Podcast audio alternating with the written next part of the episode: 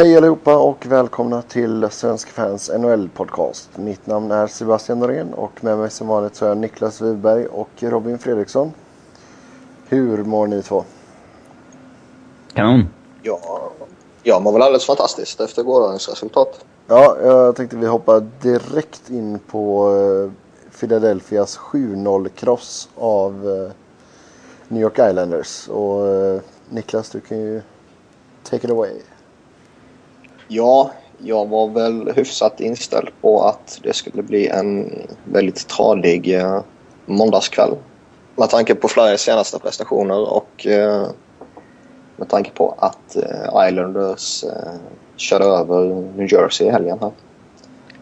Eh, men det skulle ju visa sig att Islanders hade inte någonting överhuvudtaget att komma med. Framförallt inte efter Claude Giroux eh, så tidiga 1-0 mål. Sen bara trillade vidare. Matt Reed gjorde ju 2-0 direkt i andra perioden och det kändes väl som att det lilla hopp som Islanders hade då, det, det dödade man direkt. Man kan ju misstänka att Di Pietro stod en sån här dag, men... När bara... Var Ty McGinn Ja. skadad eller var han healthy scratch? Han var petad. Vad fan? Att han började typ skitbra. Jo, alltså eh, det var jätteförvånande. För han har ju varit en av de här få som... eh, När laget som helhet har varit, helt värdelösa så har ju McInn... eh, Alltså han har gjort sitt jobb och han tar eh, duellerna vid sargerna och slänger sina handskar om det behövs. Och han går in i trafiken och ja, gör allt det här oömma jobbet som alla andra kanske inte direkt gör när det går dåligt för Flyers. Så det var lite förvånande. Sen Svårt, svårt att klaga om det blir 7-0 dock. Ja, det är ju det. Och jag menar, alla som fick spela visade att eh, de har där att göra. Liksom, så det... sen, sen är det det, alltså det... De, de kommer inte peta liksom en, en Talbot eller Fedotenko i, i de lägre kedjorna. Och Zach Rinaldo är väl kanske den som egentligen ligger närmast till att bli petad. Men Loveglett eh, gillar honom och han är viktig för att få igång energin hos Flyers. Och han gjorde till och med mål. Så där. Sen har vi Harry Solnichuk som uh, gjorde Det är väl han man borde peta förarbete. egentligen. Ja. Uh, sen gjorde han ett fantastiskt förarbete till, till Ronaldos mål här. Och, uh, alltså han, han har ju en, en snabbhet som är uh, högt, högt över uh, liksom, ja, vad ska man säga, medelstandarden i NHL. Liksom. Uh, så det, det beror väl på lite om man vill ha hans eh, speed eller om man vill ha McInns eh, storlek och tuffhet. Intressant att Erik Gustafsson spelade över 20 minuter. Fortfarande en spelare som knappt någon känner till i Sverige liksom. Oh ja. Men det, det har nog lite att göra med att mm, när man kände att okej nu, nu är det väl rätt chill i den här matchen då, då tar man det lite lugnt med kanske framförallt Timonen och Luke Chen uh, spelade ju inte supermycket och Braden Corbin och, och Grossman och, och så där höll man igen lite, lite, lite ju. Och, vilket man ska göra. Men det, han förtjänar att spela så mycket som han gjorde också, Gustafsson. För han gjorde en bra match. Sen har han fortfarande en, en bit kvar innan han är på, på den nivån som vi har sett honom tidigare. Men man märker lite där lite... Ja, han behöver få lite tempo i kroppen helt enkelt. Och får Mm. han bara det så tycker jag definitivt han förtjänar att stanna uppe i NHL. Mm. För det är det. All, alla backarna vi har eh, av de här eh, liksom ja, femte, sjätte, sjunde backarna så är det ju alla kommer göra misstag.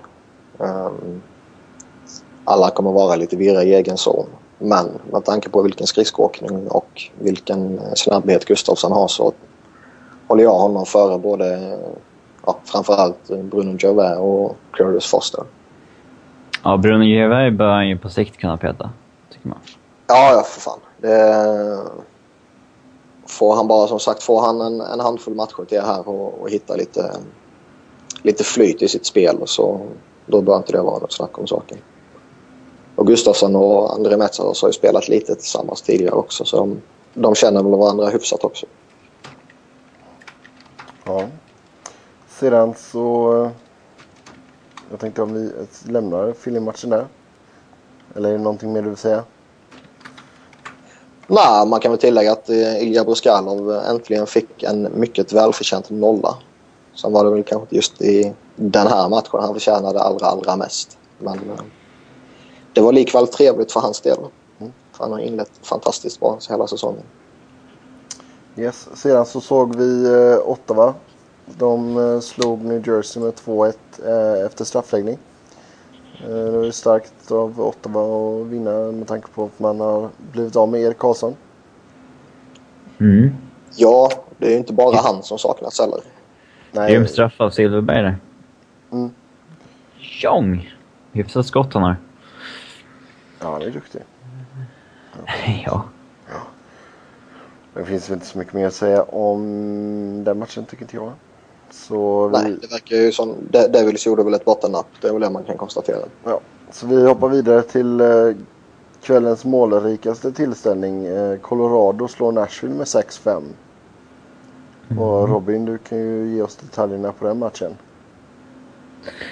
Ja, det var väl en match som eh, Nashville absolut inte hade tappat poäng i om de, in, om de hade valt att spela Pekka inne. Men nu kände de väl att det var en match där de kunde lita på att Chris Mason kanske skulle rädda mer än 66% av skotten, men det gjorde han inte. Ehm, det var väl det som gav Avs två poäng tillsammans med ett eh, domarmisstag från linjemannen som missar att Duchennes tredje mål är tok offside. Eh, Fast det Men- verkar ju sen, efter, eftersnacket verkar ju som att... Eh, Ja, att det var... Han tror, han tror inte att... eh, att eh, Ja, han tror ju att... Nashville, liksom. Ja, det är mer förståeligt att han tror att kanske pucken kom från en Nashville-spelare in än att han skulle tro att uh, Duchene uh, kom in efter pucken. Nej, för alltså det är så uppenbart. Det, och det, är liksom, det är inte så att det rör sig om uh, en decimeter. Utan det, det är ju liksom en rätt tydlig offside. Så det är, sen, sen om det är en efterhandskonstruktion för han har märkt att liksom, shit, nu fuckade vi upp rätt så rejält på den här. Eller om det är sanning, det, ja, det vet de väl bra själva. Men alltså sådana stora misstag ser man ju extremt sällan. Så det, jag, jag, enda anledningen jag kan se det, det är som de säger liksom att eh, ja, han trodde det var Nashville som droppade bak pucken. Hur man nu skulle få för sig att göra det i den situationen. Ja, det, vad jag såg så kunde det väl inte det varit Parental som slog upp den från egen blå till... Ja, nej, jag vet inte hur, hur de hade kunnat tro det heller, men... Ja. Det, en annan intressant grej var ju att eh, Tyson Berry gjorde mål för Colorado. Det innebär ju då att äntligen efter eh, ja, 14 matcher eller vad det är så har en back gjort mål i Colorado. Oj, oj. Det var de nog sist med, sist med i uh, NHL. Alltså det, det blir väl så. när... eh, det blir väl så när en... Ja, just nu är ju första backen Jan Heida liksom. Då, då har man ingen vidare puckskicklig eh, backuppsättning. backbesättning. Men, eh, ja. Och sen så gjorde ju Waver pickupen Aaron Palusha i tre poäng också. Det var intressant. Men eh, ja, intressantast är väl att eh, Matt Duchene verkar vara igång på allvar och att hans förra säsong bara var en sen sophomore slump helt enkelt. Och, Fördelarna som har fått igång honom Sebbe. ja. Det tackar föräldrarna för det. Den, den eh, nordamerikanska medien verkar tro att det är för att han har tränat med Sidney Crosby hela sommaren, men eh, Nej, nej, nej, herregud. vi kan eh, Nej, hävda att det är Frölunda. Christian Bäckman för fan. Ja, exakt. Mm. Det, Det är Christian Bäckman som lärde honom att gå in sådär i sarghörnen som han gjorde mot Shea Webber igår. När han, nej, det är, det är PGA som har lärt honom allt. Li- Lite pinsamt av Shea Webber att bli outmuscled av Matt Duchene i sarghörnen sådär. Det, det ska inte han Ja, det är bli. inte riktigt bra. Sen eh, nu, nu är väl bara det här en, en rent isolerad händelse. Men man märker ju på Shea Weber och man märker på Ryan Suter också framförallt att de går igenom en liten anpassningsfas här. Eh, Utan varandra. Vilket inte är förvånande i och för sig. Men likväl värt att notera på något sätt. Ja, speciellt när Suder har fått spela med gröngölingar också. Mm. Alltså först Spurgeon och sen eh, med, vad heter han, Brodin. Brodin. Så Spradin verkar ju bara göra det bra, men... eh, Jo, men det, det är ju skillnad att lira med eh, ligans kanske ja, näst Ja, bästa back i fjol. Ja, ja. Jag tänkte säga näst bästa. Näst, näst bästa efter Karlsson där. Ah, Ja, efter Ja. Timonen. Ja. Eh, I alla fall, det är kul för Colorado att de fick vinna i alla fall. Mm. Ja, Man kan också konstatera att målvakten Semyon Varlamov var ett av NHLs tuffaste jobb genom att vara målvakt i Colorado. Alltså, mot Edmonton så... Han gör över 50 räddningar liksom, men ändå så är det fem skott som går in för att det... Det finns liksom inget försvar och igår så han får ändå 38 skott. Det är liksom inte konstigt att man kanske släpper in fem mål i en sån match, även fast... Man ska Alltså, väl ligga över att ni 90 kan få Andreas Lilja för ett billigt pris om ni vill ha honom. Ja. Ni kan få eh, fighten Borderlow tillbaka. Han spelade 2.52. på- Ja, vad fan då spelar han 2,52 bättre än vad Andreas Lilja gör. Nej, men... det är väl inte helt omöjligt att det kommer en eh, topp 4-back in. Beroende på vad, vad man får för han vi ska snacka om snart. Mm. Yes, sen så eh, höll eh, Peter Budaj, hur säger man? Budaj. Ja. Höll nollan när eh, Montreal slog Carolina med 3-0. Han behövde bara göra 19 räddningar. Ja, de har lite skilda jobb de där, men... ja, alltså Montreal går ju överraskande bra, så det... Alex Galchenyuk gör ju poäng i stort sett varje match. Det, Det som är värt att notera från den matchen är väl också att eh, Max Pacioretty gjorde säsongens första mål. ja, Vilket inte bara är viktigt för min fantasyliga men också är viktigt för Montreal att de får igång någon som, ja. som de vet de kan lita på över eh, en längre period i normala fall. Konstigt att han gjort nästan en assist per match, men först nu kom första målet. Mm. Yes. Sedan så eh, vann Toronto med 3-0 över Florida. Eh, Scrivens höll nollan där. Mm. Jag tror väl det här var Phil Kessels första mål i 5 mot 5. Mycket, mycket möjligt. Mm. Men eh, intressant att... Uh, eller skönt för Toronto att... Alltså Nassim Kadri är en, är en NHL-spelare på allvar nu helt enkelt. Det... Och för tiden. Eh, många, många tycker väl att han har varit det ett tag tidigare men inte fått liksom riktigt förtroende helt enkelt. Men eh, han tar ju chansen i år i alla fall och det verkar ju gå bra. Det behövs väl i ett sånt här lag. Ja, verkligen. Sen får vi se om det räcker till slutspel eller inte men... Eh, skulle nog inte räkna bort Toronto. Nej, alltså nu är de ju två poäng från första platsen i Eastern bara. Mm. Mm, Det, ja, det är väl alltså- ett rätt tydligt tecken på att säsongen, den här korta säsongen är rätt galen. Ja. Ja, fan. Kings ligger nästan sist liksom och det... Montreal ligger tvåa i East och... Det är mycket som... eh, de här resultaten kommer väl inte riktigt hålla i sig över 48 matcher tror jag, men med Toronto och Montreal kanske, men... Vi såg väl Minnesota i fjol som låg typ... De ledde väl också sin division efter typ 20 matcher kanske, men... Ja, de ledde ju hela konferensen till och med. Ja. Ja. Yes. Sedan så, eh, om vi lämnar Toronto, Florida då, så eh, ännu en nolla när eh, Phoenix vann med 4-0 över Calgary och Mike Smith, det var hans tredje nolla för säsongen. Ja, han får fan komma igång nu efter han hade ju jävligt usel inledning faktiskt. Ja, han var riktigt dålig i början där men nu så har han fått upp tempot igen.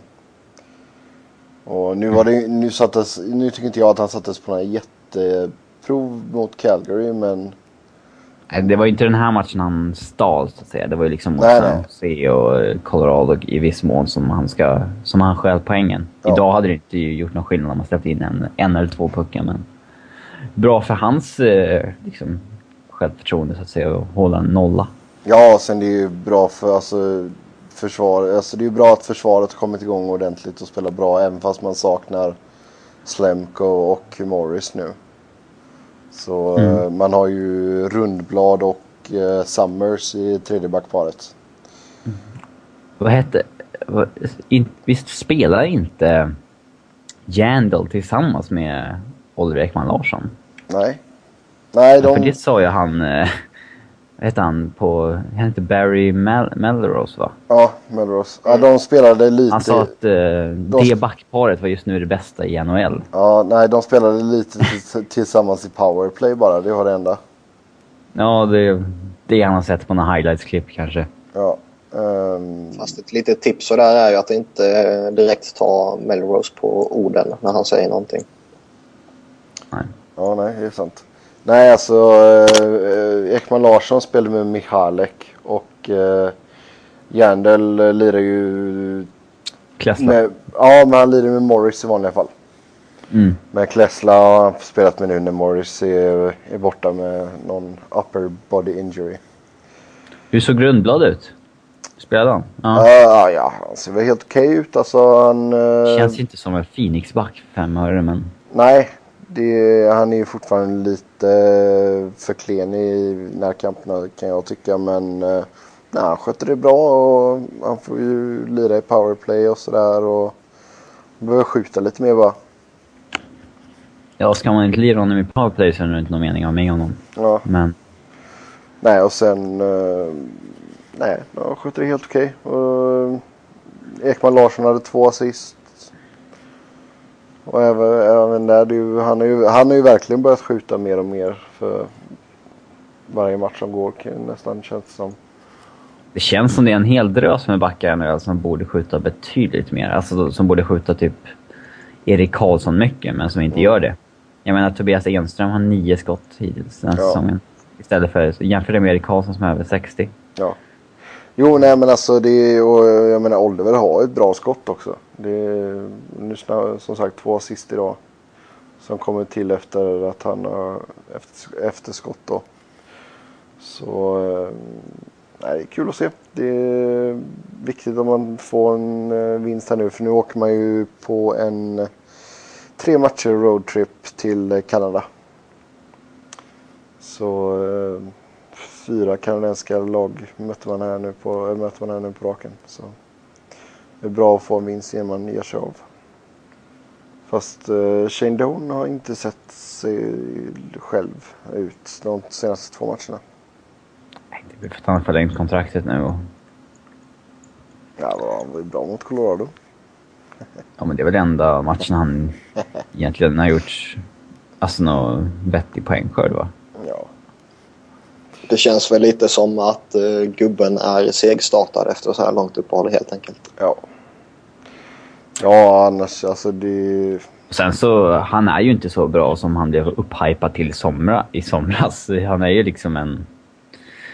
Ja, 50-60 poäng spelare. Liksom. Inte så...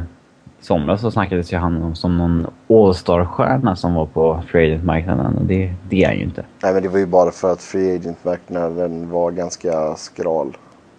Ja, i alla fall när det bara var han kvar så att säga. Ja. Yes. Eh, sen så slog Anaheim Columbus med 3-2 och eh, Viktor Fast fick inte stå i natt utan det var Jonas Hiller som fick eh, vakta buren. Det gick ju bra det med. Columbus. Ja, alltså Anaheim som är hyfsat formtoppade ska väl inte ha några jätteproblem egentligen med Columbus i dagsläget. Det som var förvånande är väl snarare att det blev så pass jämnt som det blev. Ja, Columbus har väl två tät, alltså tajta förluster bakom sig nu va. De förlorade ju mot Kings också med 2-1. Så mm, Jag funderar lite på eh, Washington som visserligen har vunnit några matcher nu på slutet, men hur funderar de kring Boothbro Drow just nu? ja du. Man eh, bör väl komma till insikt att eh, det kanske inte är alla coachers fel som man har haft och som man har sparkat och som det till och med redan nu börjar pratas om att den nuvarande coachen ska få kicken. Mm. Eh, kanske är det en general manager som sätter ihop suspekta lagbyggen som ska ryka näst kan jag tycka. Mm. Eller kanske bör man skaka om laget med någon trade. Mm. Ja, sen känns det som att Alex Ovechkin kommer ju, han kommer inte tradas. Dels eh, är han, ju bättre än vad han har visat. Och, och, han är liksom Washington. Och dels ska det nog mycket till om, eh, om nu Washington skulle få för sig att vi ska trada honom här så bör nog andra lag börja tänka på alltså, aha, vad får de nu för idé här att de vill trada honom? Vill vi verkligen ta emot det kontraktet då? Mm. Så de, de, de är nog fast med honom vare sig man vill det eller ej. Och han är ju bättre än vad han har visat hittills liksom. De säljer ju säkert sjukt mycket merchandise med Ovechkin och det är liksom... De drar ja. nog in en del pengar på honom också. Även fast han inte är lika stor stjärna idag som han var förut. Ja, men det... Jo, men alltså han är ju fortfarande... Alltså, de skulle ju behöva få ett absolut topp, topp namn tillbaka i så fall liksom. Ja. Nej, frågan om man är redo att ja, offra en sån som Niklas Bäckström till exempel. Eh, och vad ska man få i utbyte för honom? Han sitter ju... Ser man på ren capita så sitter han ju ändå på ett rätt hyfsat eh, kontrakt kan jag tycka. 6,7 eh, för en första center som är god för hur många poäng som helst. Det är ju, är ju en rätt bra deal liksom. Sen är ja. frågan om han kommer nå de nivåerna igen. Han ser ju bara ut... Just nu så ser han ju tyvärr ut som en spelare som var en produkt av Ovechkin i stort sett.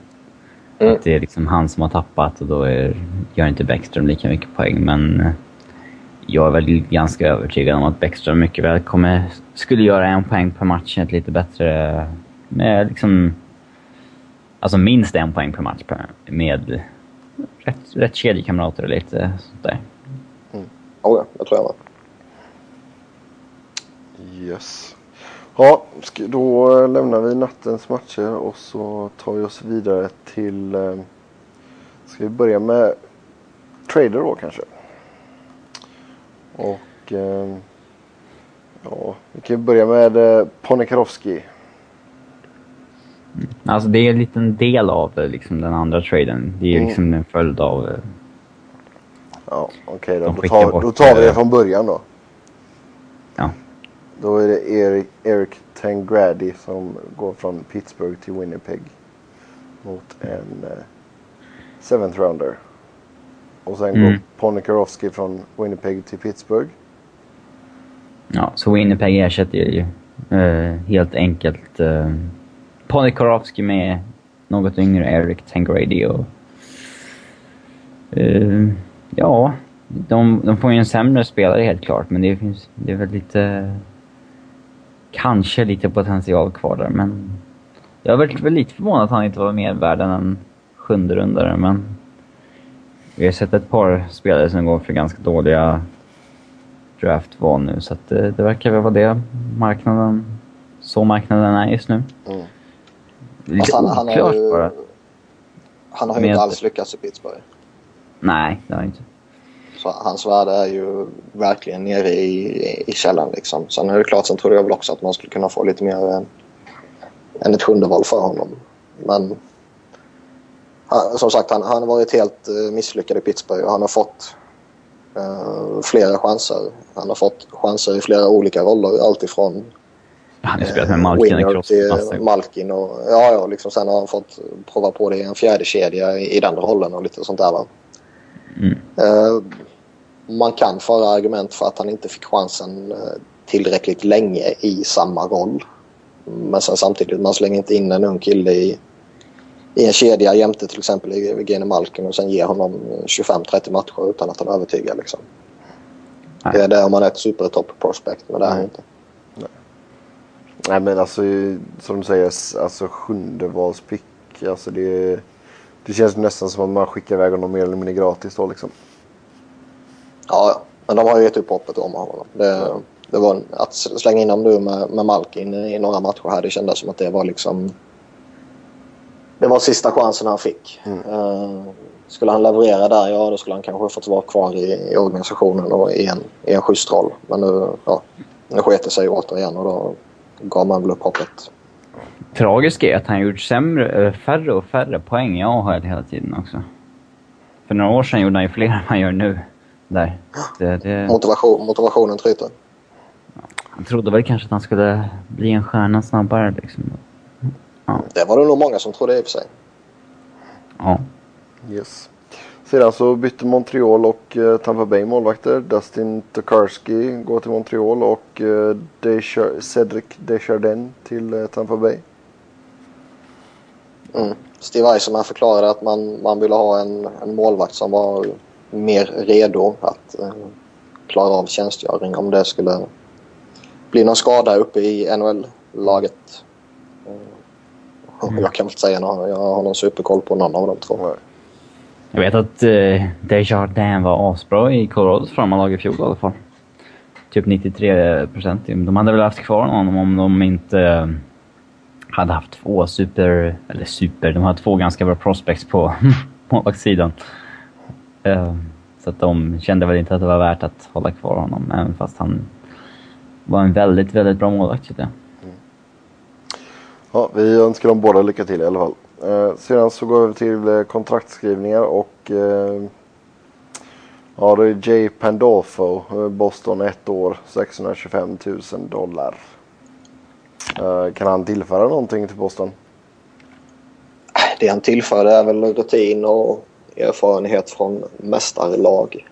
Um, sen är frågan om, om Boston behöver det med tanke på att de vann häromåret liksom, och har i princip samma lag kvar. Den eh, funktionen han fyller kan jag väl tycka är eh, i rollen som ja, 13 eller 14 forward om alla är friska. Uh, där han liksom, ja, har honom på läktaren är väl skitsamma. Men sätta en 20-21-åring på läktaren är ju... Ja, då är det bättre att han får spela i AHL till exempel. Mm. Eh, så det, det, det är väl den funktionen som jag kan tycka att han, han fyller hos Boston. Om, det, om man är liksom skadefria och, och hela den biten. Annars så tycker jag att man tjänar mer på att släppa fram yngre killar underifrån till att spela i, i de lägre kedjorna. Yes. Sedan så eh, går vi tillbaka till Colorado och så ska vi prata om Ryan O'Reilly. Mm. Som eh, inte bara är en karaktär i tv-serien Oss utan också en eh, hockeyspelare. Ja. Eh, Robin, du kan ju ta och informera oss om det senaste här. Alltså det som har hänt sen vi snackade sist är väl helt enkelt att eh, Bob McKenzie och Darren Drieger, de gubbarna, har gått ut med att eh, Colorado nu starkt överväger att trada honom. Något som inte alls var aktuellt för några veckor sedan. Då var det off the table, men eh, nu så eh, ska man tydligen kraftigt överväga det eftersom man eh, inte ens är nära varandra i kontraktsförhandlingarna och eh, senaste som kom ut i morse var att man inte hade pratat med Ryan O'Reilly på två veckor. Eh, eller hans agent. Så att eh, det känns väl som att man har bestämt sig för att han ska byta sport helt enkelt. Eh, Men alltså finns det några uppgifter på vilka summor det talas om? ja, han vill ju ha... eh, Avs vill ju signa honom på en bridge deal. Så två år på 3,5 miljoner typ. Exakt samma som Duchene fick. Ja. Men han känner att han tycker att han är värd ett långtidskontrakt på fem, över 5 miljoner redan nu. Eh, vilket... Eh, alltså... Jag kan väl förstå att vissa kanske tycker det för att han var extremt bra i fjol, men... Eh, skulle ju sända extremt märkliga signaler till Matt Duchene om Ryan O'Reilly fick ett långtidskontrakt men inte han. Eh, jag menar, det när Duchene signade sin bridge deal i somras, då satte han ribban för vad O'Reilly kan få, kändes det som. Man kan inte ge honom mer än vad... För jag tycker att eh, det andra kontraktet man får ska vara... liksom, ska spegla hur bra de första tre åren har varit, inte bara sista säsongen. Nej.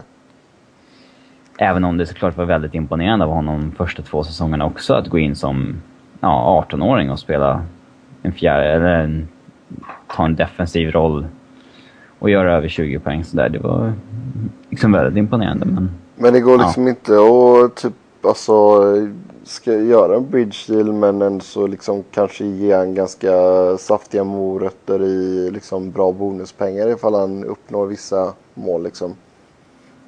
Jag vet inte. De verkar inte ens vara nära varandra helt enkelt. Så det verkar kört.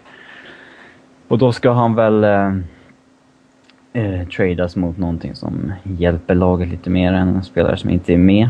Eh, men man, och det som har kommit ut är väl att man tänker inte ersätta honom med en center. Eh, som han själv är, utan... För det har ju snurrats ett par år, eller närmaste året kanske, om att man... Man har ju Duchene, Stasny och O'Reilly. Att man eventuellt skulle byta bort Stasny mot eh, en back eller någonting. Men... Eh, no, men nu ser det ut att bli O'Reilly istället och det, det är väl lite tråkigt. Han har varit en betydligt bättre andra center än Stasny men Eh, jag tror samtidigt att han kan generera ett bra mycket bättre utbyte än Stasny. Mm. Och uh, en backpartner till Eric Johnson har ju varit efterfrågat ända sedan Eric Johnson tradades till Colorado så att uh, det... Och det Just nu så det ju främst om lagen East med eh, Toronto i spetsen med Rangers pratas det väldigt mycket om av någon märklig anledning faktiskt. Eh, Ottawa, de kan man förstå är lite mer desperata. Ja. Eh, Buffalo som är oerhört svaga på centerpositionen. Eh, Ryktesspridaren Eklund sa i morse att det var Florida var ett av de hetaste alternativen. Då skulle väl Kulikov vara ett intressant utbyte. Rör det sig om Rangers så snackas det faktiskt ganska intensivt om Michael Del Sotto och det, det skulle ju vara väldigt bra för Avs tycker jag. Det skulle vara Del Sotto och någonting mer. Ett högt draftval eller någon top prospect. Men mm. jag har lite svårt att se varför Rangers skulle behöva en center mer än de behöver en powerplayback. Eller? Alltså framförallt så är det väl lite overkill att ha uh, Brad Richards Ryan O'Reilly och eh, Derek Stefan i topp 9 liksom som, som central. Ja, det finns ju ingen så här... Som ska vara eh, ja, topp 6 helt enkelt. Ja, det finns ju ingen anledning att trada till sig O'Reilly och försöka göra, om, göra honom till en tredje center. Då, för de kommer ju få betala det han vill ha, så att säga, i lön. Mm. Mm. Men de kanske håller honom extremt högt helt enkelt. Det, så kan det mycket väl vara. Men... Uh, om, de måste ju få in han i topp 6 om han ska vara med. Och eh, då ska väl kanske Stefan ut på en eh, kant eller någonting, men det ser jag inte hur de ska få... Då ska ju någon annan ut från topp 6, typ Hagelin eller någonting och det är inte han gjort sig förtjänt av direkt. Eh, och sen så förstår jag inte hur de tänker med cap-wise då. Ska Ryan O'Reilly komma in på 5 miljoner och sen så ska Hagelin och Stefan ha nya kontrakt i sommar. och De ligger redan och slickar lönetaket i stort sett. Det, det, och ska det sjunka i sommar också, lönetaket. Så det, mm. jag, jag, tror inte de kan trada till honom helt enkelt. Det, Nej, det går inte. alltså det, det, handlar, det handlar väl mer lite det här om att uh, okej, okay, en, en, attraktiv spelare på marknaden. Vi kollar vad han kostar. Mm. Flyers ska ju ha hört av sig också, men då uh, ska ju ha... Ja, rätt naturligt ska ju Sherman då ha begärt Sean Couturier och något no mer, men det... Helt naturligt också är ju off the table för Holmgren och Flyers. Mm. Alltså, Sean Couturier han kommer ju nämnas i varenda trade liksom, som, som Flyers är involverade i. Mm. Ja, alla, eh, alla vill ju ha Sean alla, vet, Ja, alla vet hur bra han är också. Liksom, så, sen, sen att uh, tror väl inte jag direkt att eh, Ryan O'Reilly är ett rimligt alternativ för Flyers. För det känns liksom som att har man Claude Giroux som är hyfsat given och center och sen har man både Braden Chen och Sean Couturier där under. Och, eh, alltså ska man göra plats för O'Reilly så är det ju Daniel Breer som måste ryka. Och eh, han kommer ju aldrig acceptera en trade till Colorado. Och inte något ont om Avalanche som lag eller som organisation men det beror ju på att han har en familjesituation där han har eh, separerat och där han har eh, ja, vad heter det, vårdnad på, på något sätt för, för sina ungar och måste stanna i, i närheten av Philadelphia på något sätt för att ha rätt till det verkar det som. Mm. Ja, eh, och hans kontrakt är inte Cronky-vänligt heller. Ja, alltså, han tjänar ju inte så mycket. Han har ju väldigt hög cap hit. Han har ju en cap hit ja. på vad är det, 6 miljoner eller 6,5. Minnet sviker mig lite. Men ja, han tjänar ju bara... Ja, ja, men han tjänar ju bara alltså 2-3 miljoner här de sista eh, två åren efter den här säsongen. Mm. Mm. Så sett ur den aspekten så är han ju rätt vettig för, för de här lagen som kanske inte vill spendera så jättemycket. Utan man, man får en, en halvhygglig lön men en stor cap hit. Mm. Oh. Men som sagt, eh, ska han acceptera en trade så ska det vara så att han får ja, behålla ungarna så att säga. Mm. Men allt pekar på att O'Reilly kommer bli tradad alltså? Ja, Columbus ska ha hört av sig starkt också. Och, uh, skulle det röra sig om Toronto, så, som är O'Reillys hemstad för övrigt, så skulle det väl vara Jake Gardner och någonting mer, verkar det som. Uh, vad, vad skulle Columbus ge upp liksom? De har väl Ryan Murray och sådana där intressanta prospects som de inte har hunnit förstöra än. Men uh, skulle det vara Buffalo så är det väl uh, Tyler Myers, någon som Ävs förmodligen skulle vara intresserad av, men uh, det där kontraktet är inte riktigt Cronky-vänligt heller och uh, han har ju bevisat mindre än O'Reilly för att förtjäna ett sånt där kontrakt. Så att, uh, ja. Visserligen så är det ganska front, frontloaded också. Så, men pri priset som pratas kring O'Reilly, uh, det är en, en roster player och uh, top prospect fortfarande? Uh, ja, eh, enligt eh, vissa. Vissa säger att det är betydligt högre. Mm. Alltså jag, mm. jag, kan ju tycka redan att eh, ett sånt pris är eh, rätt eh, saftigt. Mm. Alltså, jag förstår att det inte är så många... Eh. Nej, alltså vet, jämför man typ Pittsburgh och, och Jordan Stahl i somras här så, så känns mm. det som att det är ändå en, en jämförbar spelare typ men mm. som är betydligt bättre och som har bevisat betydligt mycket mera. Mm. Uh, ja, men han hade ju en eh, UFA-status som hängde om ett år och... och jo, jo. Alltså, om man tittar rent, rent, rent krasst på spelartypen så, så är det inget snack om att Jordan Stahl är flera klasser bättre. Ja, så är det ju säkert. Mer. Uh, och, och jag menar det det var lite osäkerhet kring, kring hans eh, kontraktstatus där. Och den, liksom det, han skulle väl inte resigna med vilket lag som helst. Uh, men det är han hade ingen leverage alls. Men det... Nej, men det är rätt jävla osäkert kring Ryan O'Reilly också. Liksom. Och, och en sån som Jordan Stahl kostade Brandon Sutter ett första val och eh, ett bra prospect. Och Alltså är Avalanche uppe och, och sniffar på, på det priset så känns det som att de gör en helt fantastisk jädra affär. Mm. Och att ja, något att... lag är ruggigt jävla desperat. Ja, för att just nu så... Med Duchene, Stasny och O'Reilly så har de ju egentligen råd att trada en center för att förbättra en annan lagdel. Mm.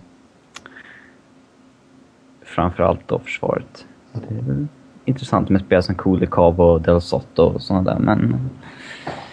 Uh, det finns ju rapporter som säger att de alltså, begär mer än det som... Uh, så, alltså, de skulle vilja ha... Skulle det vara Rangers skulle det vara Del Sotto och Chris Kreider till exempel. Ja, Sen vet jag att alltså, priset är ju olika från, från lag till lag. Liksom. Mm. Eh, rika lag och, och, lag med liksom, ja, vad ska man säga, en, en djup uh, prospect pool kommer ju alltid få eh, ja, erbjudande om ett lite dyrare pris medan uh, andra lag som man vet liksom att okej okay, det är bara de de har bara den här snubben som kan vara aktuell. Då, då nöjer vi oss med honom och liksom någon, någon halvdan prospect till exempel. Och skulle de trada honom inom Western Conference så kommer ju priset vara ännu högre. Ja, de sitter i en jäkla guldsits med kanske tio lag som har ett seriöst intresse och uh, de... Ja, Adrian Dater från Denver Post säger att de är beredda att vänta till sommaren helt enkelt för att få rätt bud helt enkelt. Men uh, jag Eller så tror blir att det som har... Columbus och Rick Nash där man väntar och väntar och väntar för Ja. att få ett fantastiskt bud och sen får man ett halvdant bud. Ja. Alltså då hade ju Nash sin eh, no trade och då hade väl bestämt sig för Rangers i stort sett. Men eh, jag tror väl att man eh, har större chans att få ett bra pris för trading deadline i år än i sommar. Ja. För att ju längre inte O'Reilly spelar på desto mindre sjunker väl hans, eh, desto mer sjunker väl hans trade value och eh, skulle ett lag som Ottawa ändå vara med i playoff-hunten ehm, så är det... Alltså det, det är nog lättare att hitta ett desperat lag för trading deadline än i sommar. Ja, men det kommer Ja. man hitta. Alltså, eh, Ottawa som du nämnde och Toronto liksom. Och Buffalo och du vet har, har Florida lite chans också. Så är det väl de lagen som jag ser som favoriter till att värva honom i, i Eastern. Och då är det, känns det som att det kan bli en rätt hyfsad budgivning där. Mm. Ja, jag... Ja, Jag är ju lite svårt att säga att han skulle eh, tradas till Western. Alltså. Nej, de har sagt alltså att det, det det, inte det är ju om, men det, det är om man får ett bud som verkligen liksom ja, ja, som som inte man går inte kan tacka nej tacka nej till. till. Liksom. F- Frågan är ju om det är något lag som är så pass desperata. Eh, San Jose Ja, ja, kanske ja. börjar bli. Ja, men alltså det, det finns ju några sådana veteranlag som San Jose och typ Detroit. Alltså skulle de börja halka efter lite så, så kanske de får panik. Men sen samtidigt känns inte de som att liksom de, de är några som går all in på en liten snorvalp som vill ha tok mycket betalt och som kostar jättemycket. Det skumma med att han alltid beskrivs som en alltså, extremt bra lagspelare och sånt där, men det, det behöver inte utesluta att han vill ha, ha betalt för det han gör för laget. Men eh, det känns Nej, väl alltså som att det har blivit en... eh, Det känns väl som att det har blivit... Jag tror absolut inte att han kommer kräva samma kontrakt dit han tradas. Det känns som att det blev något... För det sades att man var nära varandra i, sommar, i somras. Men eh, eh, att Sherman då ville få ner O'Reillys krav lite mer och då eh, sades det några saker som gjorde att de kom längre ifrån varandra istället. Eh, Sen är, sen är det ju det också. Alltså, en stor del av lockouten var ju att minska de här andra kontrakten som O'Reilly står inför just nu. mm. Eh, där, där liksom lagen vill ha eh, en situation som, ja, som det var med Matt Duchene till exempel som vi har haft uppe till, till diskussion här innan idag. Och PQ Subban i, i Montreal till exempel. Där, där man får, ja, man gör eh, två, tre riktigt bra år och sen får man ett tvåårskontrakt för några miljoner och sen när det är slut så får man sitt stora kontrakt om man är värd det. Liksom. Mm. Vilket jag kan tycka är en rätt rimlig deal också för att släppa upp massa 21 och 22-åringar på alltså sjuårskontrakt eh, om det nu inte är så att man är sin generations stora talang liksom. Eh, Det, det Alltså, känns lite, lite de, udda. blir, de blir ju unrestricted free agent i helt fel ålder då också. Typ 27 bast. Det vill Mm. man ju absolut inte ha på sin eh, stjärna. Nej, nej, nej. Men ja, vissa tycker ju att O'Reilly gör rätt som sitter och ja, begär mer pengar. Liksom. Vissa säger ju att ja, bara för att Matt Duchene blev underbetald ska inte han bli det, men eh, jag kan väl tycka att Duchene signade, signade ett rimligt eh, bridge, en, en rimlig bridge deal. Jag, anledningen till Ja, att man alltså, trodde att han det- skulle landa på typ 5-6 miljoner så var väl för att man kanske trodde att han skulle få sitt långtidskontrakt på en gång, men nu fick han ju inte det. Så att, eh, Alltså Duchene är väl numera snudd på underbetald med tanke på att han har inlett så bra som han trots allt har gjort. Eh, Oh ja. Men det var när han skrev på kontraktet så var det väl ändå liksom att okej nu står han nästan och stampar lite. Ja, men uh, Sherman skrev ju en, en drös bra kontrakter i somras på Eric Johnson på under 4 miljoner på fyra år. Um, sen var det ju... Alltså, jag, menar ju restricted free agent-kontrakten då, då. Steve Downey på 2,6. Det är, det är många bra kontrakt som skrevs där. Och, men och han är ju känd för att vara en stenhård förhandlare. Det är väl det som är hans... Uh, hans bord egentligen. Han är väl ingen hockeyexpert på det sättet. Greg from accounting, som kallas. det är typ där han har börjat i jäveln, så har han liksom halkat in på det där. Men... Uh, men så är det ju. Alltså, i, I dagens NHL är det ju nästan viktigare att kunna liksom allt kring eh, kollektivavtalet och, och lönetaket och lönegolv och, och hela den biten. Än att kanske faktiskt vara en, eh, en eh, super eh, general manager ur hockeymässiga aspekten. Utan så länge man omger sig med kompetent folk.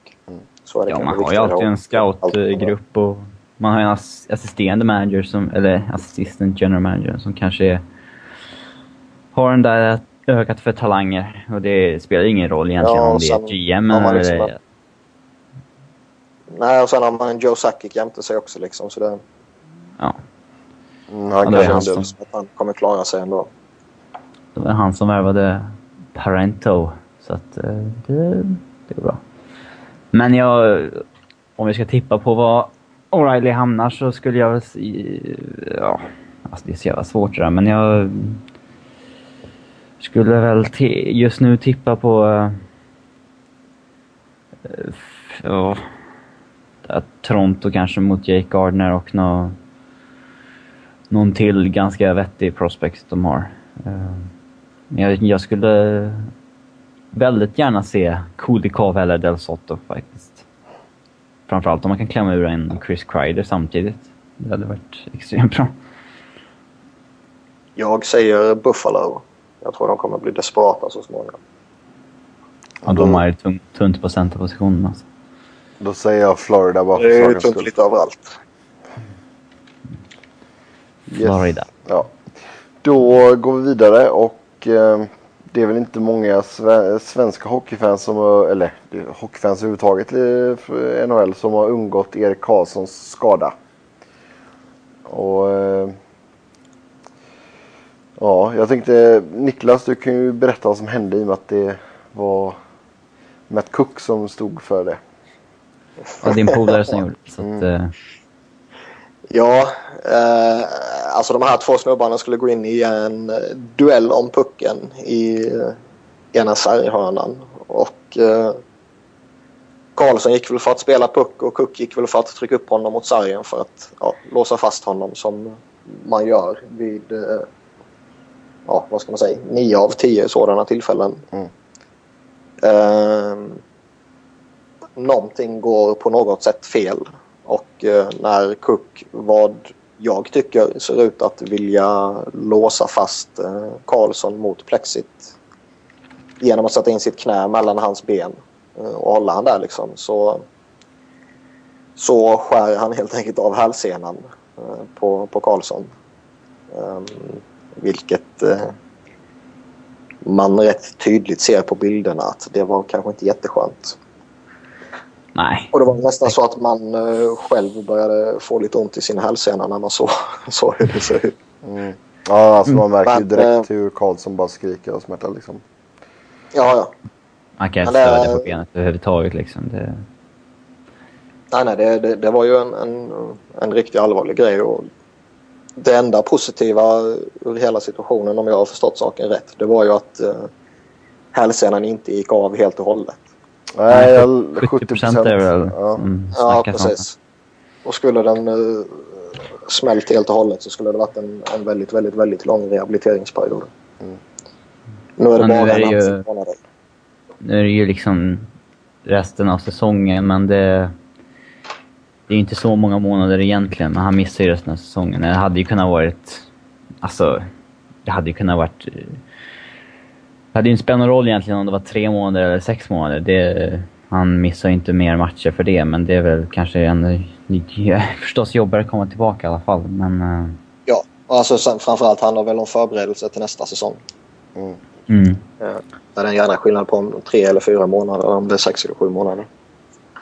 Får väl hoppas att det här inte påverkar hans eh, fantastiska skridskoåkning när han eh, väl är tillbaka. Men det, det kan nog göra ett tag i alla fall. Men han... Eh, Ja, det kommer ju vara en, en anpassningsperiod för honom. Det vet man ju. Det är det ju alltid när, när någon alltså, skadar en hälsena. Om, sen, sen är det väl kanske inte så många som får den slicead av en skridsko. Nej. Men om man, om man drar den själv till exempel så är det ju alltid en väldigt lång dels rehabiliteringsperiod och sen när man väl är redo att köra så en, en längre anpassningsperiod där man, ja, där man måste våga trycka ifrån och hela den biten. Liksom. Och med tanke på att han är så enormt eh, beroende av sin skridskoåkning som, som Robin var inne på så, så ska ja, säsongsinledningen i eh, oktober bli väldigt, väldigt intressant att se. Men alltså det är ju egentligen Daniel Alfredssons fel i och med att inte han gör mål i, i Mm. anfallet innan. ja, jag tycker att det är så... Det, Så det som är lite intressant i... Ja, kör det.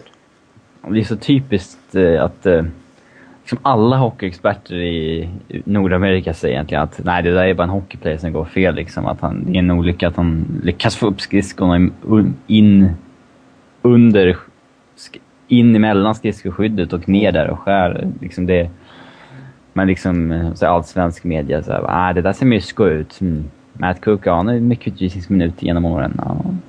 Jo men alltså det, det, alltså det blir jävla surr på, på eh, Twitter här efter det. Alltså, jag menar, Så alla som var typ neutrala verkade ju tycka, va, ska vi ens diskutera om det ja, där? men, ja men det, det var lite så jag kände också. Man bara, ja. men det alltså Matt, Matt- Matt Cook är inte tillräckligt bra för att göra det.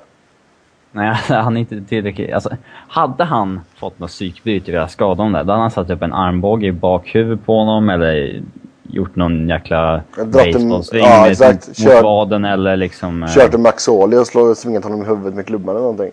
Ja, alltså crosschecka han i bakhuvudet när han står där eller liksom armbågstackla han i bakhuvudet eller slasha mot vaden eller knäskålen. Liksom det...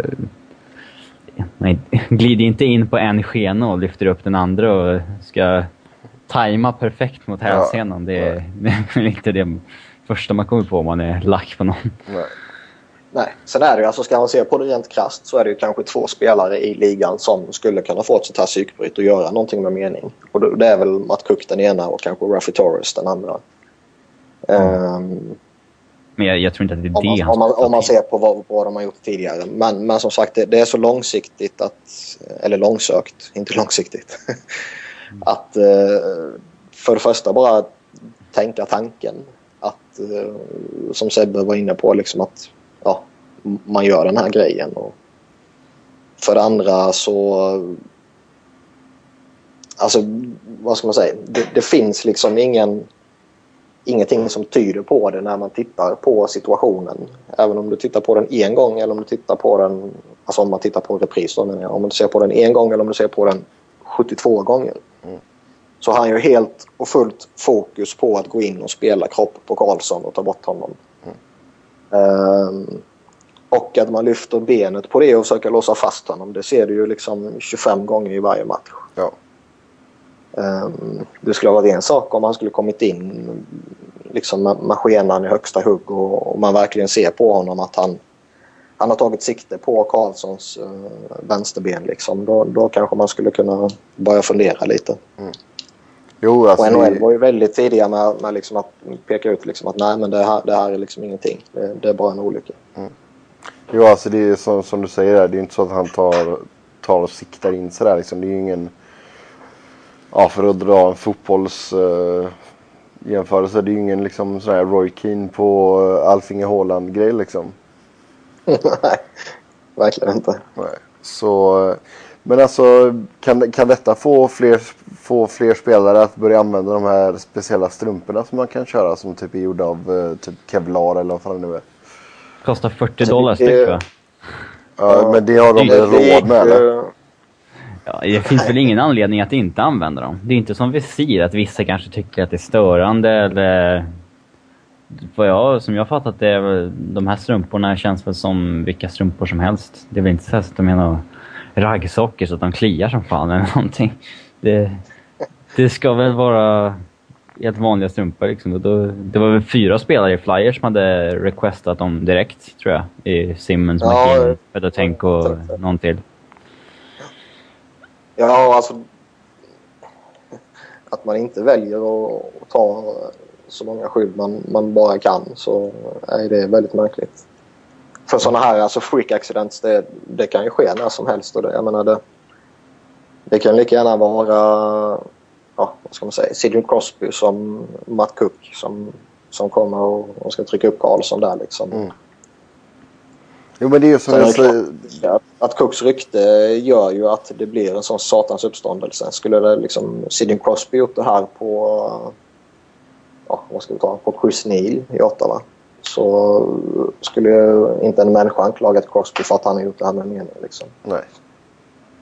Förutom kanske med Eugene Melnyk som verkar ha fått tuppjuck på, på Cook här. Och, alltså Ottawas ägare då har Mm. slängt ur sig ja, den ena skiten efter den andra mot Cook och liksom att sådana här eh, goons har inte i ligan att göra och han var medvetet ute efter skada och bla bla bla. Och, visst, eh, Cook är väl inte Guds bästa barn på något sätt så sett va men eh, att slänga så mycket skit på det sättet som Melnick har gjort när man själv genom åren liksom har haft spelare som Matt Karkner och Jarko Rutt och Chris Neal och Anton Volchenkov och Zenon Konopka. Det, det klingar lite dubbelmoral då kan jag tycka.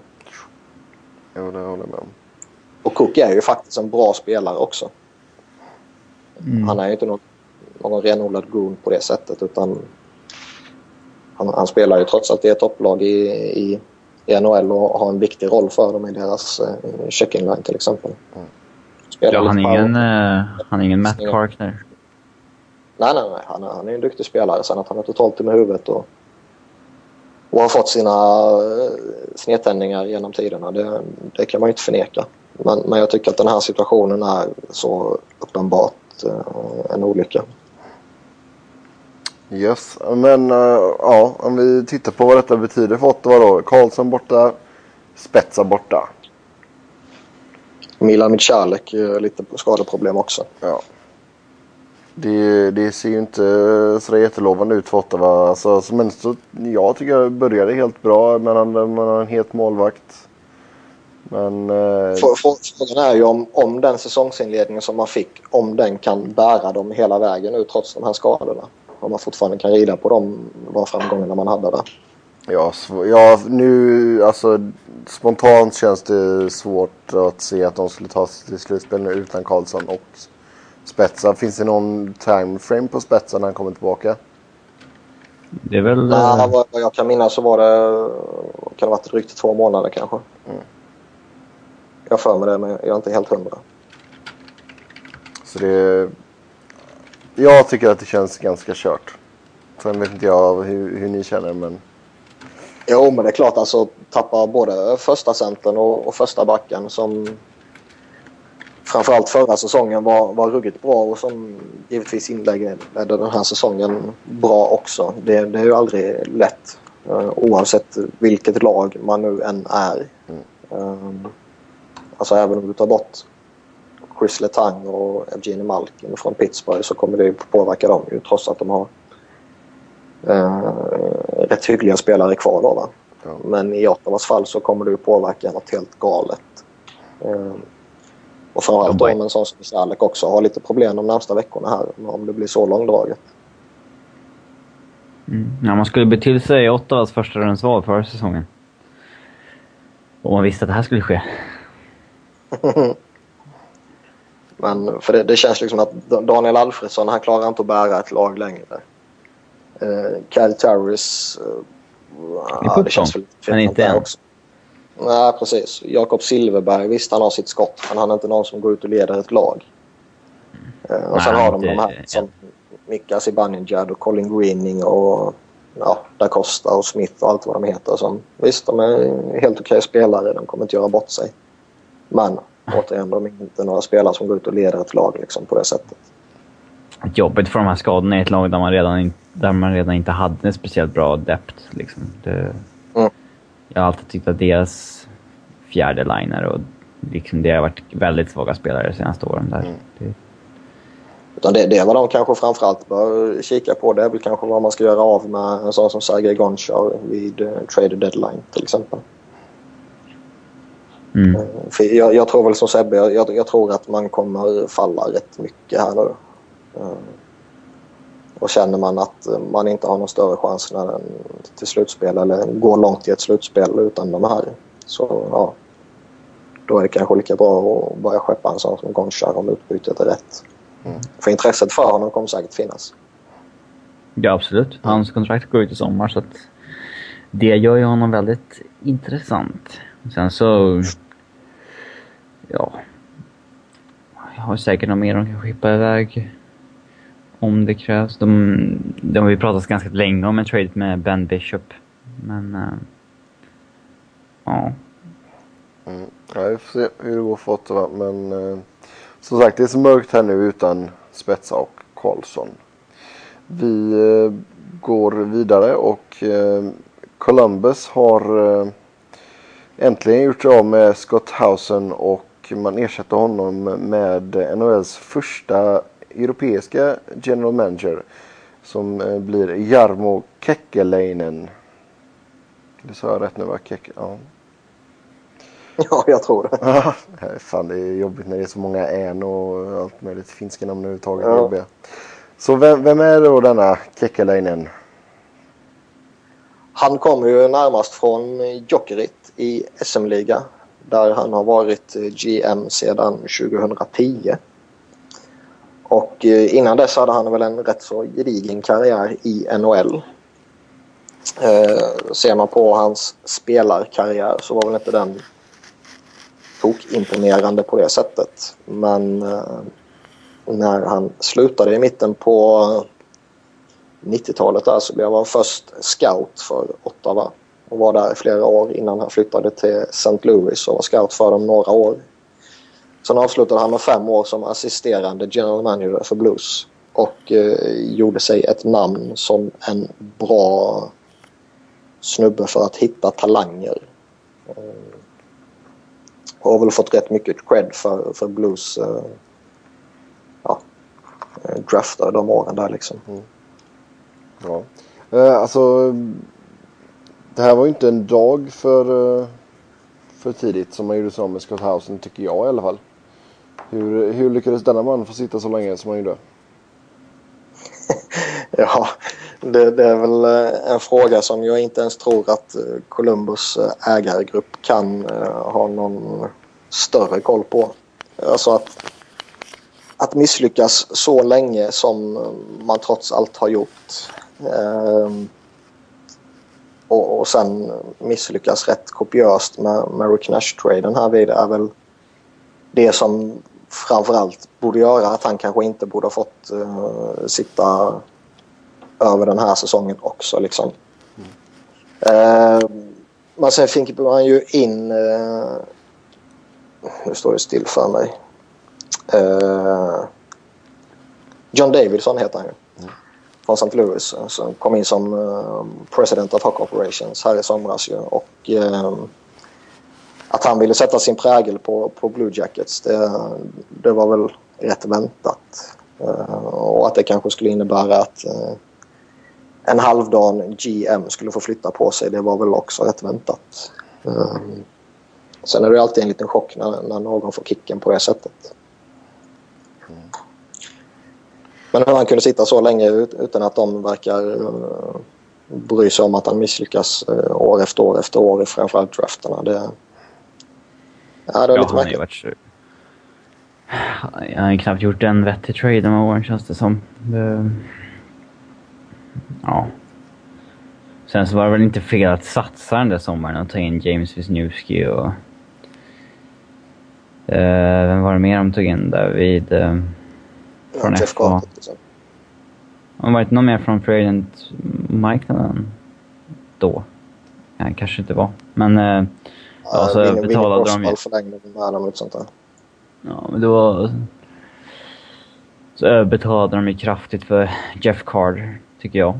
Uh, med uh, ja, första rundsval av Boracek. Det Mm. Det tycker inte jag var helt eh, klokt.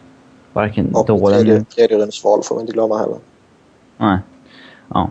Och eh, man borde väl kanske förstått också att... Eh, alltså även om Carter hade velat spela i eh, Columbus och så vidare så är väl inte han en optimal center till eh, Rick Nash direkt. Nej. Nej, det håller jag verkligen med om. Det... Han är en skytt liksom. Ja. ja nej. Vad tror vi då? Kan uh, Kekkelainen uh, få rätsida på Columbus-skutan här?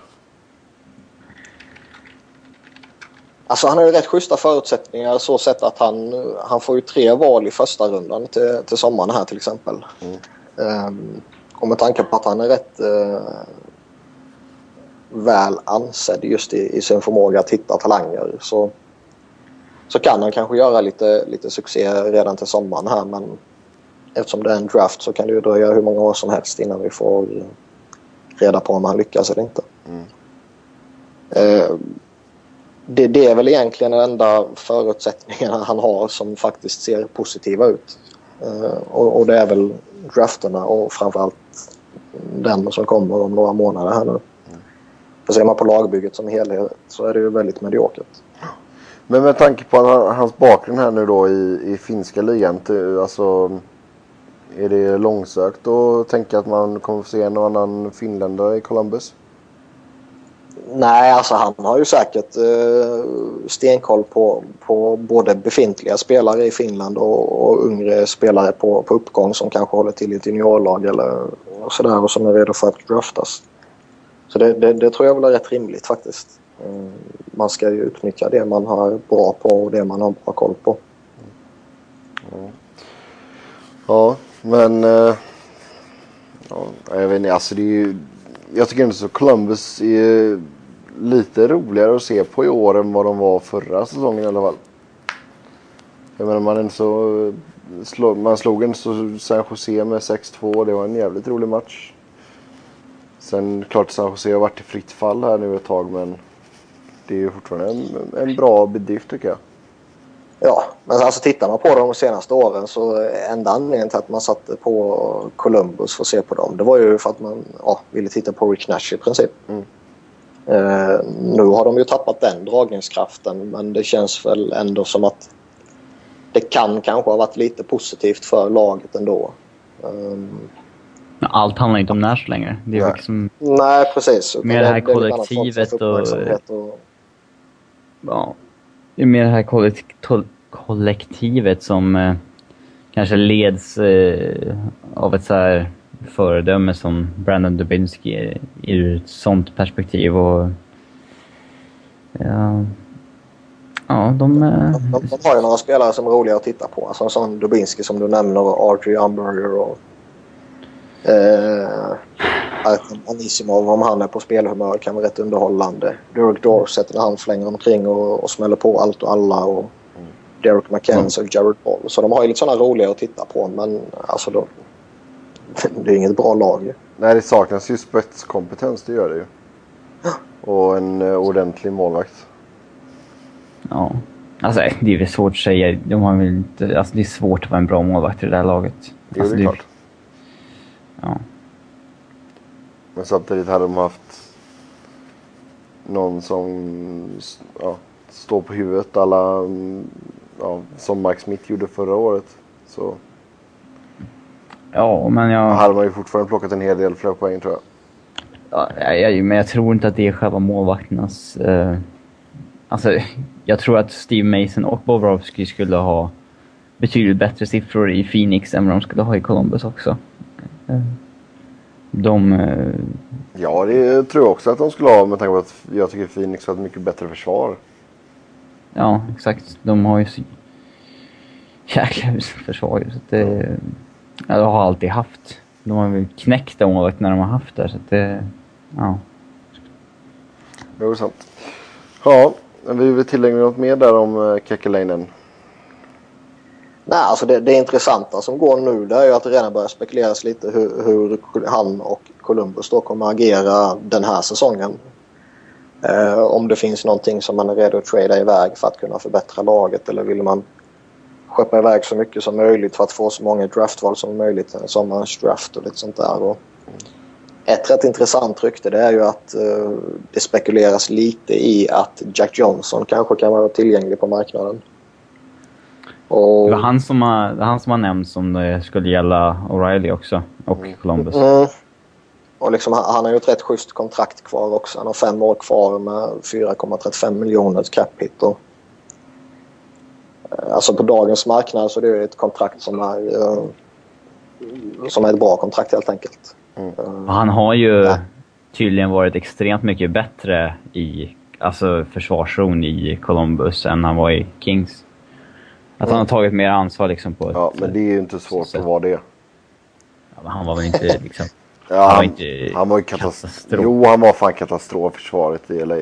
Han var hyfsat bra framåt, men han var ju fan säkerhetsrisk i egen zon. Han var lite väl endimensionell i Kings, ja, det, det kan jag tycka också. Um, men alltså det är intressant för det känns ändå som att det är han som håller ihop den där lite skrala backbesättningen på något sätt. Eh, Han spelar ju 30 minuter per match.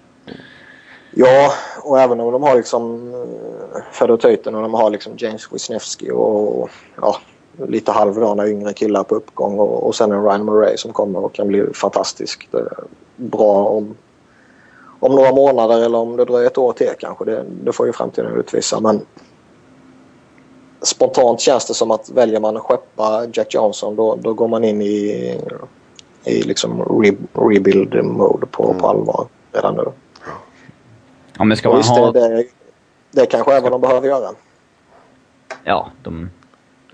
Även om Columbus-fansen säkert är trötta på att vara urusla så eh, liksom, vad ska han göra? Han kan inte trolla fram ett bra lag på ett år direkt med den där truppen. Nej, alltså kortsiktigt finns det ingenting Columbus kan göra. Uh, långsiktigt så behöver man ju bygga genom draften och genom att utveckla de befintliga ungdomarna som finns i laget. Mm.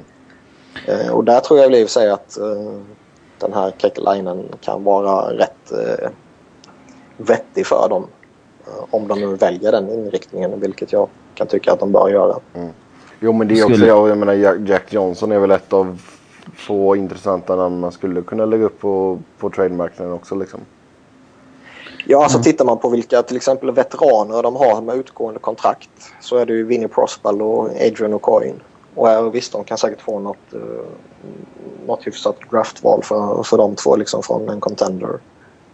Men annars är det Jack Johnson eller typ eh, RJ Umber som, som kan vara aktuell för en trade känns det som. Och Umber, även om han är en väldigt duktig spelare och jag gillar honom så uh, fyra år till för 4,6 miljoner. För det han bidrar med det är rätt saftigt. Mm.